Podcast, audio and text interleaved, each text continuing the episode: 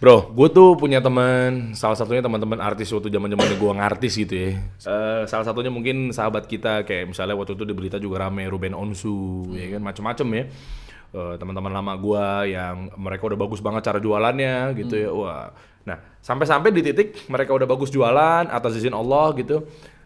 Eh ujung-ujungnya dituntut lah sama yang punya merek yang katanya sama Oh ini kaitan sama merek nih. sama merek ya kan karena memang mereka nanya oke deh nih gini gini nih oke gimana cara copywriting gimana cara ngiklan biar nggak boncos segala macam udah udah gua kasih tahu tuh mereka mandiri Hmm. ujung-ujungnya dia balik lagi ke gua balik lagi ke gua dalam arti bukan gue pikir dia mau nanya seputar marketing cara jualan ujung-ujungnya der gimana ya lo ada orang legal nggak ya ya telat ujung-ujungnya dia ngadu bukan masalah ngiklannya tapi gara-gara gimana ya gua udah jalan nih branding gua begini nih udah cakep banget nih Iya. konversi penjualan tuh udah alhamdulillah omsetnya lah ya udah terus gimana pas gue daftarin nggak bisa Iya. itu kenapa sih orang-orang pada kayak gitu males kah gitu daftarin apakah memang sulit kah apakah memang ah bodo amat ya jalan dulu aja Ya. kan penyakitnya begitu tuh Mm-mm. nah itu kenapa sih Emang ini banyak banget kayak begini. ah Ini biasanya kalau yang eh, sepengalaman kita temuin ya, ya gue temuin udah eh, bertahun-tahun eh, handle urusan legal terkait merek segala macam.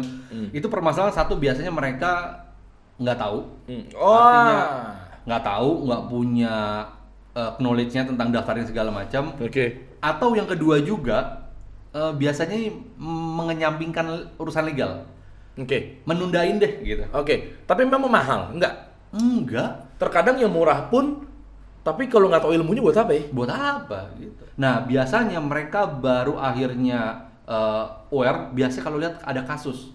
Entah itu menimpa dia sendiri atau menimpa orang lain. nah ini manusia begitu fitrahnya Kalau misalnya gue ibaratin, Hmm.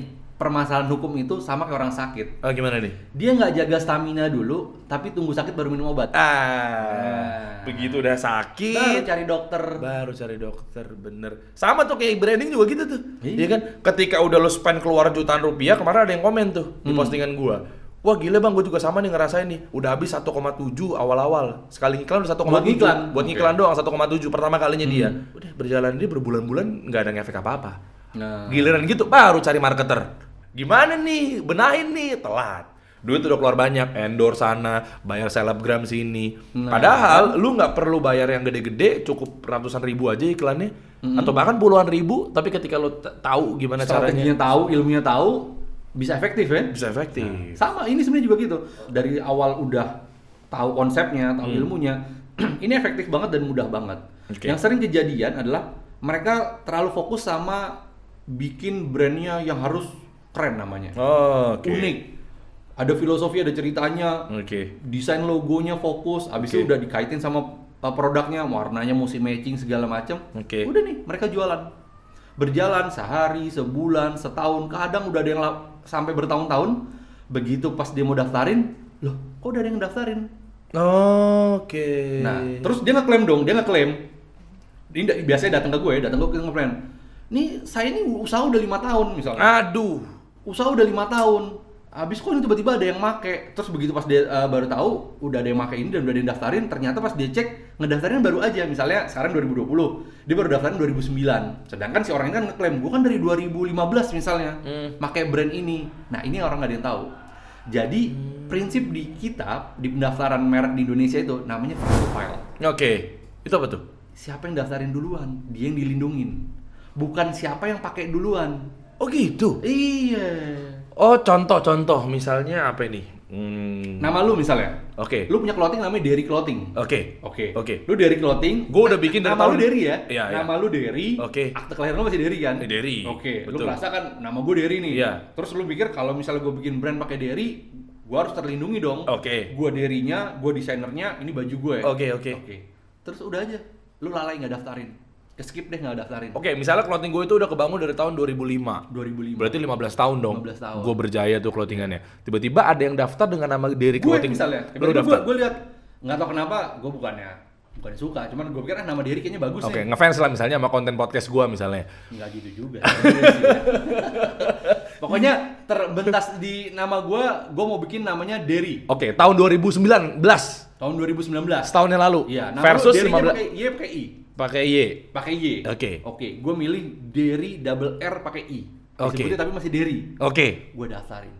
Setahun yang lalu, gue 15 tahun Lu yang misalnya lalu. bajunya clothingnya apa misalnya ceritanya? Eh, Baju, iya, baju, Baju ba- muslim deh. Baju muslim. Baju muslim. Gue kaos. Oke. Distro. Oke. Derry. Oke. Gue daftarin. Oke. Udah. Udah gue daftarin. Gue belum dong kondisinya. Lu belum kan? Oke. Udah, begitu pas lu mau daftarin misalnya di 2019 yang sama Ah, ah. atau di 2020-nya begitu mau daftarin, oh nggak bisa. Entah itu Oh, lu udah gitu. masuk formnya atau enggak, lu ditolak, Ah, ah. tiba-tiba nggak bisa didaftarin. Walaupun gue udah bilang, eh pak, nih pak nih rekening koran saya nih tahun 2005 udah ada transaksi nih. Saya udah Nggak lama nih. Oh, Iya, Ada ceritaannya. Ya bener lu. Iya. Mau gitu. dari zaman Firaun lagi lu udah pakai tuh merek. Begitu. Iya. Iya serius lu. Serius.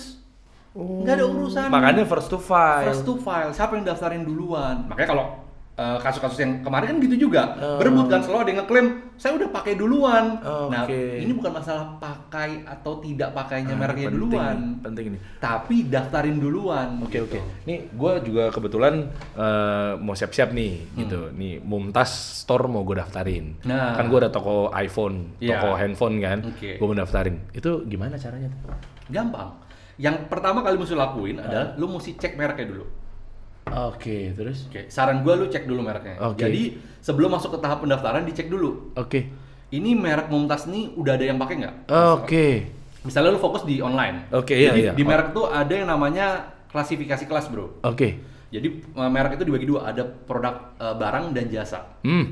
gitu. Hmm. Barang beda, ada kategorinya jasa beda. Misalnya lu mau fokusnya di jualan handphone, Handphone. online. Oke. Itu ada kelasnya namanya toko eh, retail online atau Oke. offline. Itu kelasnya tersendiri. Oh. Gue offline dan online. Oke, itu berarti satu kelas tuh kebetulan. Sama Oh. kelas klasifikasinya. Oke. Nanti lu cek tuh di kelas itu, si merek Mumtaz ini udah ada belum di kelas itu? Belum ada, lu bisa daftarin. Kalau emang udah ada ya lu nggak bisa daftarin.